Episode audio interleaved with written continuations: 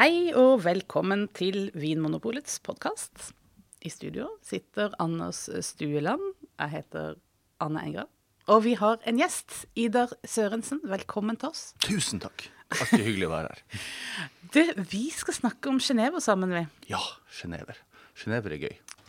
Ja, det, det gjenstår jo å se, men Vi skal prøve. Hva er ditt forhold til Genéve, Anders? Uh, hmm. Marginalt, vil jeg si. Ja. Jeg har smakt noe sjenever. Ja. Jeg har kanskje lest mer om sjenever enn jeg har smakt det, faktisk. Ja, jeg er litt uh, i samme Jeg har heller ikke egentlig smakt så fryktelig mye. Så derfor må vi jo snakke litt med deg, Ida, for du kan jo mye. Du er jo produktsjef for brennevin her på Vinmonopolet, ikke sant? Ja. Så det betyr at jeg må vite litt om sjenever hvis jeg skal jobbe med sjenever. Så derfor, det er jo det jeg holder på med. Hobbyen min er jo brennevin, og da blir jo også jobben min brennevin, så det er kjempeflott. Ja, det er jo perfekt. Ja. kan vi bare begynne med å, forklare hva, eh, hva er? Eh, jeg kan si litt først hva liksom Genéve smaker. Eh, mm. Dette her er Hvis man snakker om et kjærlighetsbarn mellom gin og whisky som er smaksatt med masse rare ting, så har vi omtrent hva en genever er. Men genever kom lenge før både whisky og gin, så derfor så, så er det feil å si at det er et kjærlighetsbarn mellom de to. Men sånn smaksmessig så ligger det litt sånn litt midt imellom der. Men nå ser jeg for meg et menneske. Mm. så dette, nå må du gå litt mer inn i Det er så mye kultur bak Genéver, så vi kan godt snakke om det som et menneske. Det er helt i orden. Ja. Eh, Genéver er jo på mange måter som akevitt er i Norge, nasjonalbrennevinet i Nederland og Belgia. Og eh, de har jo også sin egen AOC, altså det vil si et sånn områdebestemt ting hvor, hvor, man har lov å lagre, og hvordan man skal lagre. Et slags sånn regelverk? Regelverk, ja. Og uh, Genéver er kort fortalt en blanding av uh, en maltsprit, altså en, et kornbrennevin, som er destillert i noe som heter en potstill, som da smaker ganske mye. Uh, og blanda sammen med noe som heter landbruksetanol, som er helt rent brennevin. Så en, du lager rett og slett en blend litt på samme måte som du blender whisky, for der blander du Eh, enn et, eh, nøytralt eh, kornbrennevin sammen med en maltwhisky. Da har du blendet whisky. Så på sånn måte kan du egentlig si at sjenever er en blended ting. det er Genéver har det kun lov å lage i Holland og Nederland, og så små deler av Frankrike og Tyskland. Uh, vi kan komme tilbake til hvorfor det er lov å lage også i Frankrike og Tyskland, for det har litt sånn med historikk å gjøre. Mm, uh, historie er gøy. gøy med historie. Og Uh, det Men er, ja. Eh, i seg sjøl, det er et nederlandsk ord, er det ikke det? Som ja, altså, betyr... altså nesten Genever. Altså, ordet Genever kommer fra uh, Genever, eller Genever ja, Kan ikke jeg uttale nederlandsk, det høres for meg litt sånn rart ut. Men det er uh, videreutvikling av ordet for einebær. Eller einer mm. generelt, altså einebær, hele busken. Og uh, en av de viktigste tingene i en genever er at det skal være smaksagt med einebær på samme måte som gin. Så derfor Gin har jo utvikla seg fra genever til gin. Så det er der man har, og derfor navnet gin igjen. Er det oldemor til gin?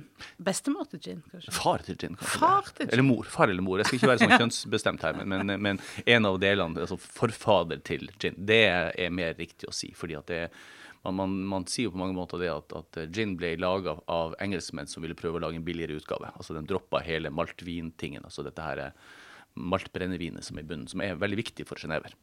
Men vi snakker om det som et kjærlighetsbarn, mm. som også er far. som også er far. Her er kompliserte familieforhold her. Men det er altså et, et brennevin. Mm. Det er smaksatt med einebær, mm. som gin. Mm. Men det er forskjellig fra gin fordi det er malt, en maltbase. Ja. Der har du hovedtingen som er forskjell. Og så er det også det at tradisjonelt sett så bruker litt andre ting. Altså, e, e, Gin er veldig ofte bare eh, einebær og masse forskjellige krydder og urter, men, men i, i Genever så er det ikke uvanlig også å bruke bær, noe frukt. Det kan være, og, og, ofte nøtter. Altså du rister nøtter og bruker det som en smakstilsetning i tillegg. så du kan få litt... Det er som å trekke ut, da? Eller i destillasjonsprosessen? Eh, man, man, gjør hovedsakelig eh, des, destillasjonsprosess. Altså man, man tar disse urtekrydder og forskjellige ting, og så blander man inn, og så legger man det enten i en masse maserasjon i brennevin, så man får et uttrekk. Eller så tar man da og, og destillerer brennevin gjennom. Med nøtter så er, må man nesten lage uttrekk. Det er litt vanskelig å bare putte nøtter oppi sprit og destillere det. Det funker ikke like bra.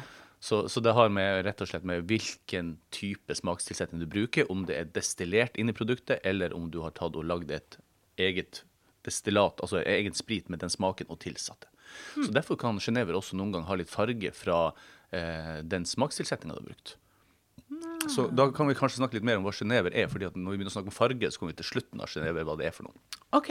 Så du har egentlig eh, hovedsakelig Når vi snakker om den AOC-en, som er regelverket, som jeg sa i sted, så er det et eget regelverk for Belgia og Nederland, der du har to hovedtyper av sjenever. Og det er eh, Jonge-sjenever og Ode-sjenever. Altså det betyr ung og gammel. Men det har ingenting med alder å gjøre. Så all sjenever er enten Jonge eller Ode? Nei, kun sjenever fra Nederland og uh, Belgia. Ja, okay. Så de få tingene man lager ute i, i Frankrike og Belgia, er ikke under samme regelverk. Den kan bruke det, men de er ikke bundet av de samme reglene. Okay. Så uh, Og Ode, da? Den gamle? Ode. Er det den opprinnelige, liksom? Ode er den type sjenever som ble fra, lagd på 1800-tallet. Altså, du har kommet enda lenger bak med andre ting. Men den som ble fremstilt på 1800-tallet, blir da Ode sjenever, gamle sjenever. Og eh, etter hvert så begynte man å lage lettere typer sjenever der man blanda inn mer brennevin enn maltbase, som vi snakka om i sted. Og det er da Younger sjenever, altså den nye stilen. Så hvis du sitter med eh, alle disse ulike ingrediensene foran deg, du er ferdig med å egentlig ha destillert, men du skal blande, hva, hva blander du inn i en ode? I en Ode sjenever så må du ha minimum 15% av denne her maltbasen. Og det kalles i, i eh, Nederland og Belgia for maltvin. Altså eh, motvin, motvin, omtrent sånn. Eh, mot Det høres ut som en ent som prater, men sorry.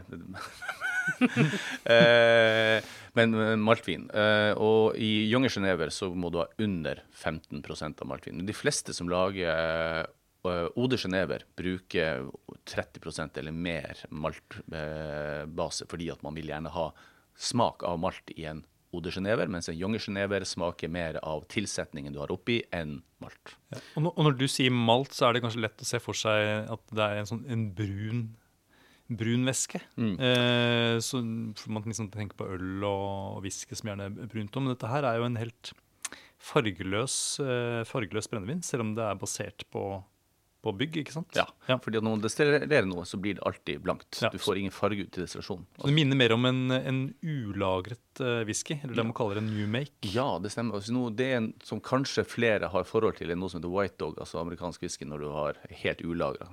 Eh, det er ikke så mange som har smakt Newmake New Make whisky fra Skottland. Noen har gjort det, men der har du liksom den smaken på denne maltvinen. Altså det smaker veldig mye som et ulagra whiskyprodukt. Ja. Kan du beskrive smaken på en sånt ulagret uh, maltbrennevin? Eh, du har jo ofte et råvarepreg fra korn. Det kan være en del sitrus, du har en del fruktester, som blir fruktig og fint. Eh, Du har, uh, men det kan også være litt kantet og skarpt. Eh, og det er derfor man blander inn altså Historisk sett hvorfor man begynte å blande inn smaker i det hele tatt i dette maltbrennevinet. For når man begynte å lage Genéve back in the day, så lagde man uten eh, sånn landbruksetanol. Da var det, var det bare maltvin som man da blanda sammen krydder. Det var fordi at man skulle fjerne disse skarpe kantene som en sånn ny whisky, hvis man skal kalle det smaken. Så da begynte man å tilsette så mye som mulig for å gjøre det mer drikkbart, og tilsatte også sukker for å gjøre det litt søtere. Eh, Så det er rett og slett putta oppi sukker? ja, man bruker som regel sukker i smaken etterpå. Altså man tilsetter I Junge Genever har du lov å bruke 10 gram sukker, og i en Oder Genever har du lov å bruke opptil 20 gram sukker per Men er det noe krav om at det skal være sukker i? Nei. Er det, hvor vanlig er det nå å lage helt tørr genever, altså finnes- uten sukker? Det finnes flere tørre Genever på markedet, det gjør det absolutt, men de fleste tilsetter noen gram. Ja. Så du kan bare se på f.eks. konjakk og akevitt og sånne ting. Det er veldig mange som tilsetter sukker i det også. Og litt sånn som norsk akevitt også, Mm. som også gjerne har litt sukker. Ja. Jeg tror mange ikke tenker på det, at brennevin er tilsatt sukker. Nei. At man ser for seg noe som kommer rett ut fra et destillasjonsapparat. Men i Genéve kanskje, ja, spesielt så mye annet blended eh, brennevin, så er det jo masse forskjellig som gjøres etter destillasjonsprosessen er ferdig. Ja, altså etter å ha destillert, for du har jo egentlig to destillater. Du har maltvin, som vi snakket om flere ganger, og så har du det natur, denne her eh, landbruksetanolet som er relativt smaksløst, løst, bare veldig Det er bare sterk alkohol, Ja, 96% alkohol. Landbruksetanol. Ja. Eh, Det, jeg tror vi må stoppe litt opp der. Ja. Eh, eh, for det det er eh, noe vi bruker mye i Norge også. Mm. Eh, bare for å sette det i en, en kontekst. Norsk akevitt Mm. baseres jo også på landbruksetanol. Ja, det stemmer. Så det er eh, et helt pur, rent uh, destillat, eh, hvor det er veldig lite av disse følgestoffene som gir aroma? Altså, et, et, et landbruksetanol skal egentlig bare være alkohol. altså Du bruker det som en base for å lage ting. Så det skal egentlig være et smaksløst, rent alkoholprodukt. Altså Hvis du lager på poteter eller hvete eller det mange ikke vet, at det er veldig vanlig å lagre på beter, altså gulbeter og rødbeter og molasse osv. Ja, en eller annen sukkerkilde. Ja, en eller annen sukkerkilde. Så er det det at du vil, til og med på 96% så vil du smake forskjeller på det, men idet du begynner å blendre ut med alt mulig rart, så er det nesten umulig å si hva som er den egentlige sukkerkilden. Så uh, derfor så, så, uh, så, så, omtaler man uh, landbruksetanol i utgangspunktet som smaksløst. Løst. Ja. Altså Det er noe du bruker som en base for å lage noe annet. Ja, og det er da, da jeg syns det er interessant med dette med, med genever, mm. sammenlignet med f.eks. norsk akevitt, mm. og, og, egentlig gin også, er at geneveren har jo faktisk da innslag av et brennevin som har Eh, et råvarepreg. Ja. Eh, fordi det er eh, potstilledestillat, altså den der eh, maltvinen som mm. du eh, snakket ja. om i stad. For Hvis du ser på, på akevitt, norsk akevitt og gin, så har du ikke noe råvarepreg i brennevinet, for du har brukt helt rent brennevin. Da er det smakstilsetningen og eventuelt fatbruk som gir all smak. Mens i en genever så har du da også smak fra kornet som er brukt til å lage denne maltvinen. Du bruker en del av det inn, og da får du et råvarepreg fra hvor det egentlig kommer fra. Så for meg så skal en god genever ha litt av dette her råvarepreget. Du skal kunne få noe kjeks og litt uh, sitrus og sånne ting som kommer fra, fra uh, råvaren som er brukt. Og så er det jo det som skal skinne, er jo einebær og eventuelt andre til, tilsetninger som bruker oppi. Mm. Men, vet, ja. uh, unnskyld, men vet du hva uh, den maltvinen eller det brennevinet blir tatt ut på? da, Hvilken alkohol? Altså hvor høyt mye eh, alkohol er det i det? Det, det visste jeg sikkert en gang, men det har jeg glemt nå. Men, men det man bruker, er jo hovedsakelig eh, rugbygg, eh, mais og noe hvete. Det er også lov å bruke andre kornslag enn det, men det er disse som er vanligst. Og som ofte så bruker man alltid et innslag av eh, bygg i tillegg, for bygg eh, gjør noe med maltingsprosessen. Altså du har et enzym der som gjør at det er lettere å omvende Stivelse sukker. Nå begynner vi å bli veldig teknisk her, så mhm. kanskje vi skal la det være. Men, men det er jo stort sett en Det er veldig få av Eller jeg har ikke vært borti noen genevere som bare bruker én kornsort. De bruker gjerne flere forskjellige. Mm. Og Da bruker de enten sånn at de lager ett brennevin per kornsort og blander sammen etterpå for å få smaken de vil ha. Eller så har de en oppskrift at de bruker så og så mange kilo av hvert produkt, og så blander man sammen og gjærer alt sammen, og så lager ett destillat. Ja. Mm. Men det vil ikke være så rart om de tar det ut på omtrent samme alkoholnivå som de gjør i whiskyindustrien. Nei, altså det må jo, det, Hele vitsen er at det skal være smak i dette. her, så, eh, sånn Teknisk sett så er det sannsynligvis mellom 60 og 70 ja. eh, Fordi at man vil jo ha så mye Hvis man har, som vi sa i sted, hvis det er 96% alkohol, så smaker det nesten ingenting. For da har du bare 4% som er noe annet enn alkohol. Hvis du har 70% alkohol, så har du 30% av andre ting som er vann og smak. Mm. Så du må jo få det på et litt lavere alkoholnivå når du destillerer. Ja. Det jeg skulle si, var at uh, i tillegg til denne aromaen fra korn og kanskje mm. en sånn fruktighet som man kan finne i en sånn uh, Newmake eller en sånn maltvin, så mm. tenker jeg at det også kan bidra med en litt uh, feitere munnfølelse. Absolutt. enn at det gir en form for fylde i, i brennevinet som, som, landbruksetanol ikke kan bidra med, med mindre du tilsetter f.eks. glyserol. Da. Ja, men altså det, Der har du det bare akevittgjør. Den bruker fat for å få den her eh, fylden og dybden i det. Mm. Mens da eh, en ulagra er jo, får veldig mye fra råvarepreget. Du kan jo lagre genever hvis du vil. Det er ikke noen regler for hvordan du skal lagre det, men de fleste Eh, det er noen som lagrer lagra utgaver, eh, men man må se litt på en flaske Genéve hva som egentlig står der. fordi at det er lov å bruke farge, så det er noen som farger Geneveren sin mørkere. Fordi at de tror den skal selge bedre. Det er ikke noe juks i det, for det er fullt lovlig. Og noen ganger så har det farge, som jeg sa tidligere, fra råvaren, altså de urtene eller tingene du tilsetter oppi. Men uh, det er også da noen som lager fatlagra Genéver, og det er veldig godt. Fantastisk flott brennevin. Men det er ingen garanti at uh, geneveren er fatlagret selv om den er brun. Nei, det, det var det jeg skulle hen til. Mm. Uh, ja, uh, Nå har vi snakket en del om denne maltvinen, og du har da sett at uh, de geneverne som er merket som Junge genever, mm. som kommer fra Nederland og Belgia, de kan inneholde maks 15% av denne maltvinen. Ja, under 15 altså Un under 15,99. Ja. Og det er jo ikke veldig, veldig mye. Eh, så det er vel ikke det er, ikke det, det er ikke den maltvinen som gir den viktigste egenskapen i disse geneverne. Nei. Eh. Så hvis man vil smake det som virkelig smaker som genever, så bør man jo plukke en, en Ode-sjenever. Der vil du få mer preg av hva en sjenever egentlig er. For der er det 30 Um, eh, mange, men det må være over 15. Men det er veldig få som har så lite som 15 når du snakker om Ode. Fins det Ode Genevere som er eh, 100% malting? Det finnes det også. Eh, men så er det tilsetninger, da. da. Da sa du her er det egentlig ikke noe regelverk. Her er det, Eller det må være einebær, eller? Det, det står i regelverket at, at den tydeligste smaken skal være einebær. Ja. Står det, i regelverket. det, står, det står ordrett den tydeligste smaken skal være einebær. Mm. Og så har du da alt andre du kan tilsette. Ja. Og alt fra bær og nøtter til Hva du måtte krydder ønske. og Du kan egentlig lage en Alt fra, alt fra floraen kan du bruke. Å ja. Så vi, så Ikke faunaen. nei, altså, jeg holdt på å si fauna var lite om Jeg jeg gjorde jeg sa fauna. men Det, det kan hende at fauna er lov. Jeg har bare ikke, det står ikke noe om at du ikke har lov å bruke det. Så. Ja, ja, Der er kanskje akevitt kommet et stykke lenger. Jeg vet at eh, Halvor Høek eh, eksperimenterte med mm, å putte ting fra fauna. ja vel. Vet vi noe hvilke deler av dyret som ble brukt, eller? Skrotum. Jaså. Oi sann, spennende. Ja, ja. ja. e- egen eller andres? Skrotum, skrotumakevitt.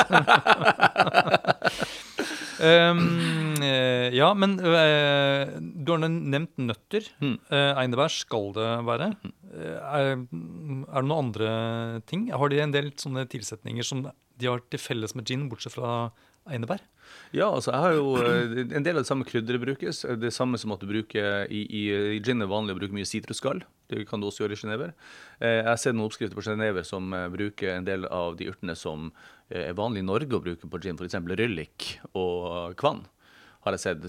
Det, så, men, men igjen så er det Det er veldig vanlig, akkurat som på gin, at man er flink til å fortelle om noen av tingene man bruker. Man vil gjerne ikke fortelle alt fordi at man har hemmelig oppskrift. og, Ja.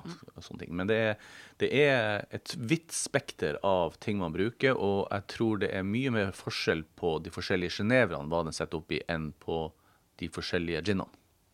Men allikevel så tenker jeg, og nå tar det jeg sier med en klype salt eh, Jeg mener å huske at av de geneverne jeg har smakt, så er ikke, det er ikke så veldig tydelig krydder. Er, det, er du enig i det, eller syns du at det er Nei, altså, like det- tydelig som en akevitt eller en altså, Akevitt gin? har har jo det eh, veldig tydelige karvepreget sitt. Eh, I genever så, så eh, De siste jeg har smakt, har da vært tilsatt nøtter. Og den andre, denne her som var 100% maltvin, bruker mer en smakstilsetning som er nærmere gin, for de, de prøver å lage en mer moderne utgave. Så der har de brukt 100 eh, maltvin, og så har de egentlig brukt omtrent som en, eh, en ginbase eh, i kryddertilsetninga. Så eh, det, det er jo utvikling innenfor for genever også, der en prøver å modernisere seg. Men eh, jeg vil si at det er mer vanlig med, med planter og urter enn direkte krydder i, i Genever. Mm. Mm. Ja. Belgierne er jo Nå holdt jeg, på å si gærne, men eh, eh, For jeg vet altså, når det gjelder øl, så er jo de veldig liberale eh, når det kommer til hva de putter i ølet. Mm. Sikori og de, Ja, de er glad i planter. Mm. Putter gjerne sånne ting som mm, vokser i jorda. De gjør kanel og mm. sånn er krydder, krydder og sånt. mye planter Men det er som vokser i jorda. Ja, grønne, grønne ting, da. Mm. Ja, sånn, ja. Ja, men Einer har jo altså, Jeg vet ikke om vi sa det innledningsvis, men, men genever er jo direkte fra det nederlandske, belgiske ordet for uh, einebær. Altså en utvikling av det ordet. Så det er jo, genever betyr jo egentlig einer. Einebær. Uh, og eh, det er jo ikke helt tilfeldig at man har begynt å bruke einebær i sprit generelt. altså da Først genever, og så senere kom gin og så andre ting etter hvert. Og det er jo fordi at eh, den, det brennevinet vi drikker i dag, kommer jo egentlig fra hva man kalte medisin før i tida. Altså man vet jo det at man Ja. Ja. Nå er vi inne i historien. ja. Kan vi ikke bare rett og slett gå på den? For det er litt interessant å se på.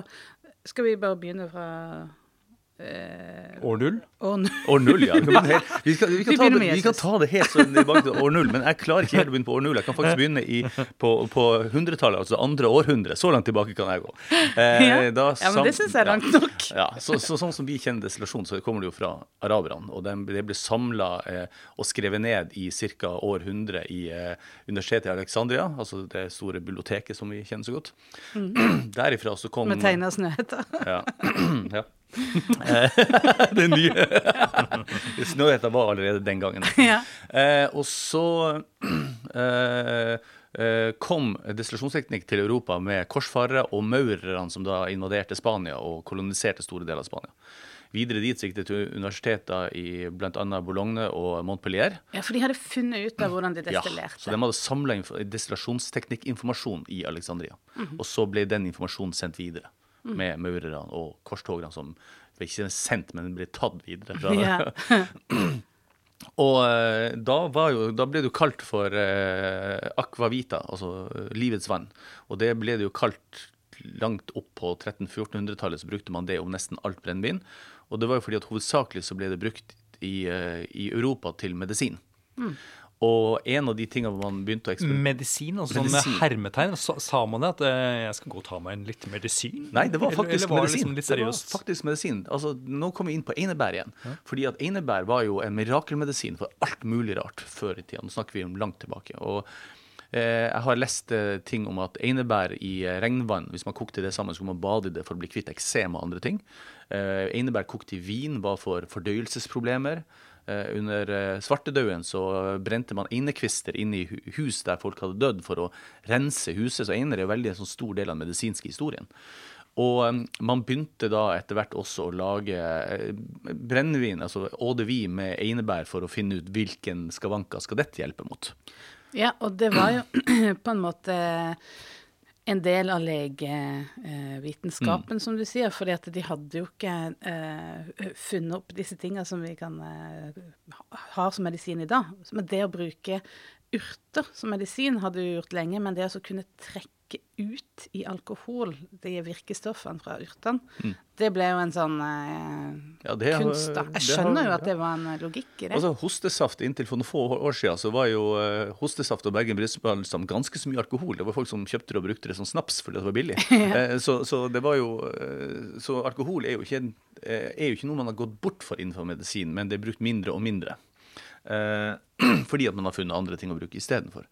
Men eh, man har jo egentlig brukt eh, altså jeg, Hvis ikke jeg tar helt feil, så er det på tidlig 1300-tallet en gang så har de funnet de første nedskrevne tingene om at alkohol blir brukt i nytelsesøyemed istedenfor medisin. Ja, for de fant vel ut at eh, hei, det skjer noe annet også. som har en mer sånn umiddelbar effekt. Og det, det ble jo viste seg å være veldig populært. Ja, altså det, det, og Da kalte man det fremdeles eau de vie. Og hvis vi går tilbake til Nederland der man lager, og Belgia, der man lager da bl.a. Genever i dag, så var det som var vanligst å, å drikke da, var en hvete eau de vie. Altså man brukte en, lagde en flat hveteøl som man destillerte, og det fikk ganske mye sånn sitruspreg ut i andre enden, har jeg lest, eh, og var veldig populært. Eh, hvis man skal dra det helt videre til hvordan det blir Genéve etter hvert, så var det at man begynte å bruke andre kornsorter, og da spesielt eh, bygg og eh, Rugg rug. Og rug kan gi et enten noe litt mer sånn kantete Spesielt når du bare har destillert, altså ikke destillert så høyt opp, men sånn som du destillerer da maltvin. Og det var da man begynte å se liksom, ah, men det smaker jo godt i medisin med einebær, så da dytter vi det oppi det her også, og så putter vi disse bærene, disse nøttene og disse urtene, for da, da smaker det kjempegodt. Og så har vi litt sukker på toppen. Og sånn starta man da mer eller mindre med sjenever, tror man. Det er, litt, det er mer detaljert eh, nedskrevet om medisin enn eh, nytelsesbrennevin. Eh, så Ja. derfor er det Det var funksjonen av medisinen, på en måte. ja, så der er det veldig mye dokumentasjon. Eh, Men på akkurat den, hvordan den nytelsesdelen starta helt sånn 100% er det mindre om. Og man refererer til eh, gamle skuespillmanuskripter man har funnet til, og noen bøker som er, er, skrevet av noen der man begynner å snakke om oppskrifter til eh, hyggedrikke. Som gjør at man vet at det er på 1300-tallet det her skjer. Og så var det altså da Nederland som kom var på en måte før eh, England i det å lære seg å bruke denne destillasjonsteknikken. Ja, altså Destillasjonsteknikk ble jo spredd veldig av sistrianermunkene. og Håper jeg sa det riktig, men jeg klarer ikke helt å Du sa det fort nok Da, Ja, så fort nok da jeg ingen hørte hva jeg egentlig sa. Disse munkene spredde det utover, og det blir jo- ble jo veldig mye destillatører i Nederland etter hvert som begynte å lage spesielt mye av denne hveteoddevinen. Eh, og så kom da andre produkter etter hvert. Eh, det er jo litt så morsomt at på den, hovedgrunnen til at det spredde seg veldig ut fra Nederland til Tyskland og til, til eh, Frankrike, var jo det at det ble et forbud mot å lage sprit av ting som kunne spises Ja. uh, i sørlige del av Nederland. Fordi at uh, de var redd for matmangel. Så uh, da flykta, flytta, eller emigrerte masse destillatører til Frankrike og Tyskland. Og det er det som er litt av grunnen til at i dag kan du enkelte deler av Frankrike og Tyskland lage genever. Fordi at det er rett og slett historisk sett folk flytta fra Nederland. Det er historiske grunner. historiske Det er det historiske grunner til, ja. Men Og, ja. Men, men når er det Genever eh, som først blir nedtegnet skriftlig? Når er det liksom det første beviset på at man eh, snakket om Genever? Det er en oppskriftsbok som er 1530 et eller annet. Ja, akkurat. Så 15, tidlig 1500-tallet er første gang man bruker ordet sjenever. Mm. Og- Jeg, jeg må jo si én ting om det emigreringstingen i sted. Ja. Eh, det er noen av de første som starta opp eh, Den som starta med brandyproduksjon, altså destillere vin, var da nederlenderne som emigrerte. Og de hadde allerede gjort det i Nederland, men fortsatt hadde med seg til Frankrike. Og det var flere som flytta ned til konjakk. Så konjakk er rett og slett et eh, resultat av at man stengte, gjorde et forbud i nedre del av Nederland mot å destillere, så de flyttet til Frankrike, og så kom konjakk. Ja. Og det var faktisk en del eh, druedyrking i Nederland. Mm. Eh, Ja. Men så var det vel noe, noe frost som ødela eh, store deler av eh, vinmarkene. Og så ble det korn istedenfor. Eh, altså, men men eh, akevitt Unnskyld, akevitt. Nå begynner jeg å snakke om akevitt når jeg snakker om Genever. Jeg vet ikke hvorfor. Men Det det, er det, veldig det, norske ligger helt i toppen av hodet mitt. Eh, men, men det er jo eh, Altså, Genever var jo veldig eh, ting som bare var i Nederland og, og eh, eh, Belgia. Og ja, de små andre delene av landene vi snakker om. Men det begynte først å spre seg under 30-årskrigen. Fordi at man har vel kanskje hørt om Nå var den igjen. Jeg er ikke helt på det. 30-årskrigen. Den var i Det eh, var 1800-tallet en gang, det. Nei, 30-årskrigen var Ah, ja. i 16 Ah, ja. Ja, ok. Ja, ja, ja, det. 16 Ja. nå. Eh, der eh, eh, mange engelske soldater slåss på eh, nedl nederlands, hollandske siden, eller det som i dag er Nederland og Holland, på den sida. Og eh, der tok de med seg dette her med at før de gikk ut i krigen, så drakk de Genever. Altså Dutch courage. Det er der det kommer fra. For å eh, roe nervene før de gikk ut i krig. Så tok de med seg den drikken tilbake igjen til, til eh, eh, Storbritannia. Og flere og flere som handla om andre ting, begynte å ta med seg Genever. Men Genever eksploderte i Storbritannia i uh, 1689, da William Og da mener du ikke at det faktisk eksploderte? nei det, det, da blir det virkelig en stor ting. For i 1889 så, så tok uh, William of Orange uh, tok eh, over den britiske tronen. Han var da eh, konge over Nederland og Belgia. Så han tok over den britiske tronen, og han var i krig i Nord-Amerika med Frankrike om kolonier. Så han, han eh, satt eh, et forbud på import av brandy. Så plutselig så fikk du ikke tak i Brand lenger, og da ble Genever kjempepopulært istedenfor. Du, de burde lagd en Netflix-serie om Genever. Historisk serie om Genever i Ja. Den kan hete Never Say Genever. Åh! ja. så, så, og like etter dette her igjen, så ble det da lov igjen sør i Nederland og eh, nederste delen av Nederland å destillere på nytt. fordi at de har sett at i de andre delene som destillerte, så brukte man da restene i, i uh, destillasjonsapparatet. Blander man med, med eh, det, det etter å ha lagd mesk, altså etter å ha lagd det kornet du har brukt til å lage brennevin i utgangspunktet. Så ga den det til dyr, som da gjorde at du fikk mer næring i gjødsla. Og som gjorde det at du kunne gjødsle bedre og gro mer avlinger, så det økte faktisk da avlingen ved å eh, Dette er politikk. ja. Dette er politiske så, så, argumenter. Så, så, så eh, dem som da, det er hertugdømmet som igjen sa da at nå får lov å destillere, de brydde seg ikke om brennevinet, men de ville ha da disse næringsstoffene for å kunne dyrke mer. For de hadde sett at det hadde skjedd i andre deler av Europa, at man gjorde akkurat det samme. Så de ville da ha tilbake den næringa til jorda. Og da gikk man vekk fra det her systemet at man kunne dyrke tre år på en plett, og så måtte man la det hvile.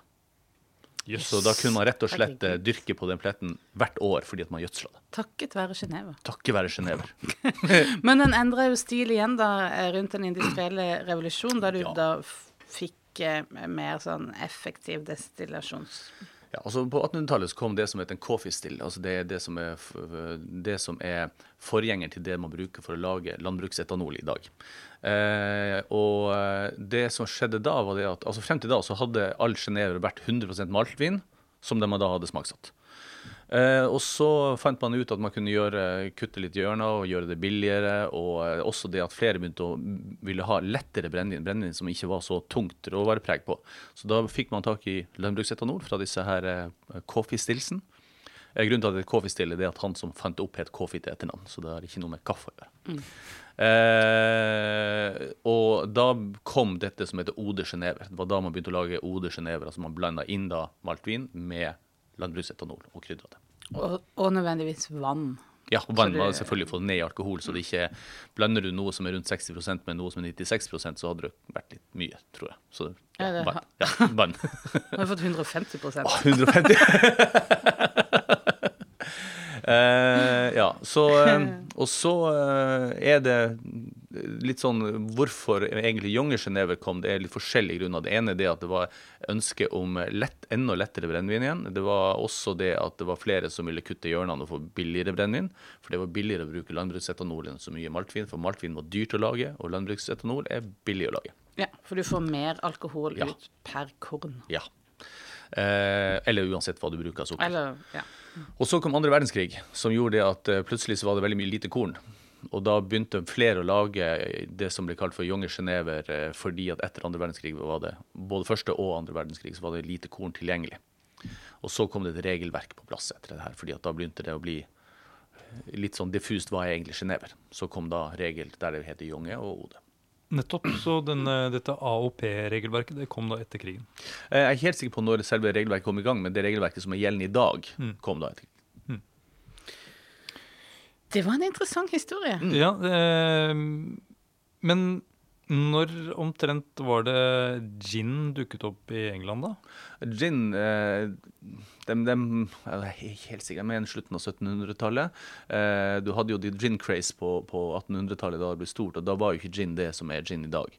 Da var jo gin gjerne et, eh, dårlig hjemmelaga brennevin der man brukte einebær og alle mulige andre eh, smakstilsetninger og store mengder sukker for å skjule dårlig smak. Og det ble jo den fattigmannsdrikke. Litt sånn som Genever var i gamle, dager også. Kanskje ikke fattigmannsdrikke, men at man skjulte Ja, litt, et litt ja. rufsete brennevin med, med krydder og sukker. Men det som var forskjellen fra den gangen, var det at man faktisk sannsynligvis kunne smake et maltbrennevin i, i begynnelsen på Genever, mens i, i eh, det som man etter hvert begynte å eh, lage gin av, var eh, ting som kunne smake surt og forferdelig, og mye giftstoffer i, og det var, liksom, det var, det var virkelig, virkelig dårlig brennevin. Ja, eh, men i hvert fall, eh, gin kommer da noen hundre år etter Genève. ja. Mens nå sier du at eh, det finnes eh, Genever-produsenter som begynner å kalle det nederlandsk gin, eller noe sånt, for å kaste seg på Jeg har sett én som har gjort det. Som har kalt Ah, det for Dutch gin. Eh, problemet med dette her er for det første så er det ulovlig merking. For du har ikke lov å kalle det for gin hvis du har blanda inn maltvin. Du må ha 100 la- landbruksetanol som er smaksatt med urter og krydder osv. Så, videre. så du har ikke lov å kalle det for gin. Eh, det andre er det at eh, de fleste produsenter av Genever blir fornærma hvis du kaller det for gin. Det, det, det er noe som sitter kulturelt nær til dem, de er stolte av produktet sitt. Men det er jo noen som skjønner det at gin selger. Så da prøver man å slenge gin på etiketten for at man skal øke volumet sitt. Det er, det er ingen annen grunn til det enn det. Så det er ingen Dem som har lange tradisjoner innenfor å lage gin, er det veldig, eh, unnskyld, Geneve, er det veldig få som vil kalle produktet sitt gin i det hele tatt, fordi at de, de er stolte av hva de lager. Men eh, Genever er jo heller ikke lagd som en typisk sånn blandingsbrennevin Altså sånn for å bruke i blanda drinker. Nei, det, det er noe nyere som har kommet. fordi Genever var noe man drakk bart. Man, eh, nå er det jo flere som drikker Genever med tonic, og det har jeg smakt, det syns jeg er godt. Mange som bruker Genever i cocktails fordi at du får eh, en del andre egenskaper enn om du bruker gin. Eh, på mange måter så kan du bruke eh, gin, Genever i mange av de samme drinkene som du bruker gin. Og der som du også kan bruke akevitt. Altså der du i utgangspunktet skal bruke en krydra brennevin i bunnen, kan du bytte ut med enten gin eller akevitt eller Genever. Altså det, mye av disse krydrede brennevinene kan ha akkurat samme bruksområde, selv om det ikke er samme brennevin. Ja, Men vil det såre en nederlender som syns at man eh, tuller med nasjonal stolthet? jeg vet ikke hva en gjennomsnittlig nedleder vil mene, det vet jeg ingenting om, men jeg tror det at en produsent bare blir kjempeglad for at du kjøper produktene så han får mer volum. Jeg tror det. Ja, for det er vel et problem å være avhengig av et produkt som skal drikkes som et bart brennevin, for det er jo ikke sånn Hvis man drar parallellene igjen til akevitt For noen år siden så uh, første akevittdrinken jeg vet om, er Fjellbekk. Og før det så snakker man jo ikke så veldig mye om å blande det ut med ting. Så Mm. nå er det jo akevittcocktails en svær greie. Så uh, det er sikkert det samme med Genéve. Jeg vet Så, ikke. Så. GT, det kan egentlig bety Genever og tonic. Hvis du vil, så kan det sikkert bety det. Ja. Genton ville jeg sagt. det. Genton, den var fin. Genton, Genton. Eh, men hvis man da drikker eh, Genever bar, er det, er det noe mat man kan, eh, som det passer til? Jeg har, en, jeg har et innsidetips, for jeg har vært på ferie i Nederland. Kanalbåtferie, selvfølgelig. Ja. Og der fikk vi servert eh, Eller der prøvde eh, ved flere anledninger, faktisk også, på sånne tradisjonelle nederlandske restauranter. Ertesuppe er veldig eh, nederlandsk. Sånn gul ertesuppe som vi kjenner herfra. Kokt på knok og sånn. Servert med rugbrød og sterk sennep. Enten på kanten eller oppå rugbrød. Det er veldig godt i seg sjøl. Med genéver-te. Jeg er usikker på om det var Ode eller Junge vi fikk, men jeg eh, har en idé om at det var Ode. Og jeg tenker at det gir litt mening òg til den der, de der litt sånn skarpe smakene. Det blir som en sånn krydder. Mm. Så nevnte du fatlagra, eller sånn skikkelig lagret eh, Genever. Eh, begynner vi da å nærme oss eh, er fatlagret eh, altså ordentlig whisky? Er det mer sånn eh, noe man kan uh, drikke som en avec, eller sånt? Jo, altså det er akkurat det er flott å drikke som en avec, og så drikke det som seg sjøl, og, og, og ikke blande det ut. Og jeg tenker det at det som er fatlagra Genéve, skal Man kan sikkert bruke det i drinker, men, men eh, der har du fått en ekstra dimensjon som gjør at kanskje det er best å drikke det som det er. Altså drikke det bart som en avec, eller bare kose seg foran TV-en, eller hvordan man ønsker å drikke brennevinet sitt. Eller som en akevitt, da. Til pinnekjøttet, kanskje? Eller Jo, det kan det kanskje være noe. Det har jeg, ikke, jeg, har ikke, jeg har ikke reflektert så mye over det. Men de, de gode eh, fatlagra geneverne har smak, smakt, er dem som fremdeles har et tydelig preg av at det er en genever. Jeg har smakt noe som har fått eh, så mye fat at det blir jo Du smaker fremdeles at det er tilsatt krydder, men du kan være litt usikker på hvilken brennevin det er, for du har fått for mye smak av fatet sitt. Så jeg tenker det at, at de beste fatlagra geneverne er den som ikke fatlagrer altfor lenge, fordi at i min verden så skal du fremdeles kunne smake at det er en god genever under fatet. Eh, Anne, du har vært i Nederland. Ja. Eh, Ida, har du vært i Nederland? Nei. Har du, du har vært i Belgia? Nei. Nei. Jeg har vært i Belgia. Du har altså da vært i Nederland. Eh, har du noen gang sett en einerbusk i, i, i Nederland? Det er eh, et litt vanskelig spørsmål. Det er et ja, ja og nei. Jo, ja men eller jeg kan ikke huske alle vekstene jeg så på denne ferien. Men jeg kan ikke sånn, jeg har ikke noe minne Nei. av det, nei. Nei, nei. tenkte meg det. Jeg, eh, eh, fra mine turer i Belgia så kan jeg aldri huske å ha møtt en eneste einebusk. Eh, Det er i det hele tatt lite natur, altså sånn Ja, lite vill Det er jo vekster. veldig Er ikke det veldig rart? Ja, men det er jo gjen, veldig gjenvokst. Altså, det er enten så har du dyrka mark, Ja. eller så er det hus. Det er jo veldig lite annet Det der. er jo enten det er veier eller lagerbygg eller, eh, eller drivhus og sånt. noe. Hvor, hvor er einebuskene? Var det der egentlig i det hele tatt? Så Einebusker vokser jo over hele Europa. Så det, oh, ja, jeg ja, ja. trodde det var sånn, en sånn fjellpleie. Altså det, det, mye av de einebærene som brukes, kommer jo fra sør i Europa. Så, oh, ja. så det er, einebær er en ganske Det finnes forskjellige typer einebær eh, som har mange av de samme egenskapene, men vil gi litt forskjellig karakter på produktet. Mange som mener at de norske einebærene er best i hele verden, og noen andre mener at andre, ja, ja, for alltid Norge er best. eh, også, eh, men, men likevel så er det det at, at eh, eh, Jeg tror historisk sett så har det ikke vært et problem å få tak i einebær. Det. Det er historiske grunner til det. Og så- Og så lurer jeg på én ting til, og det er altså Finnes det Jeg vet at det finnes eh, akevittmiljøer, eh, og det finnes eh, whiskymiljøer selvfølgelig, og sikkert ginmiljøer også, men det et Genever-miljø? i Nederland Belgia gjør det det, for de er veldig stolte av drikken, men eh, ikke utenfor. Altså, vi pratet, jeg prata om hvor svært det ble etter hvert, og det ble eksportert også til USA, og Genever var en ganske stor ting, eller det som ble i USA. Uh, Genever uh, var en, en veldig stor ting, men det mista sin plass. Og nå, inntil ganske nylig, så har Genever blitt mer og mer en ting som var hovedsakelig bare produsert og lagd i Nederland og, ble, og Belgia, og det ble veldig mange færre destillerier. Mange destillerier rett og slett forsvant etter hvert, for det var ikke marked for dem. Men pga. ginbølgen så ser vi nå en liten sånn Nå begynner folk å vil nå, nå har vi gjort gin, nå er ikke det spesielt nok lenger. Nå må vi finne noe annet. Nå, nå skal vi gå av det som er utgangspunktet for gin. Så Derfor har det kommet et litt sånn miljø av folk som begynner nå å utforske sjenever, fordi at man har fått med seg at sjenever kom først, og gin var et direkte resultat av hva sjenever var. Ja, nettopp. Kult. Fortida er fremtida. Det har vi alltid. History, Ja, og- history repeating. Ja og, ja, og for å komme inn på det, altså i Vinmonopolets lister så var det helt fram til et godt stykke ut på 70-tallet, eh, så var det sjenever som var i, i Altså sånn Det var mer genever enn det var gin Ja. i listene til Polet. Og vi var jo i nærkontakt med Nederland i lang tid pga. vår felles eh, sånn sjøfarts... Mm. Eh, faglige bakgrunn. Sild, blant annet. Ja. Nei, men jeg tror vi har fått uh, dekka det viktigste om Genéve. Mm. Tusen takk for at du kunne komme, Ida. Kjempegøy. Takk for at du hører på Vinmonopolets podkast. Har du forslag til et tema i podkasten? Send mail til podkast at vinmonopolet.no. I tillegg svarer kundesenteret deg på e-post, chat og telefon.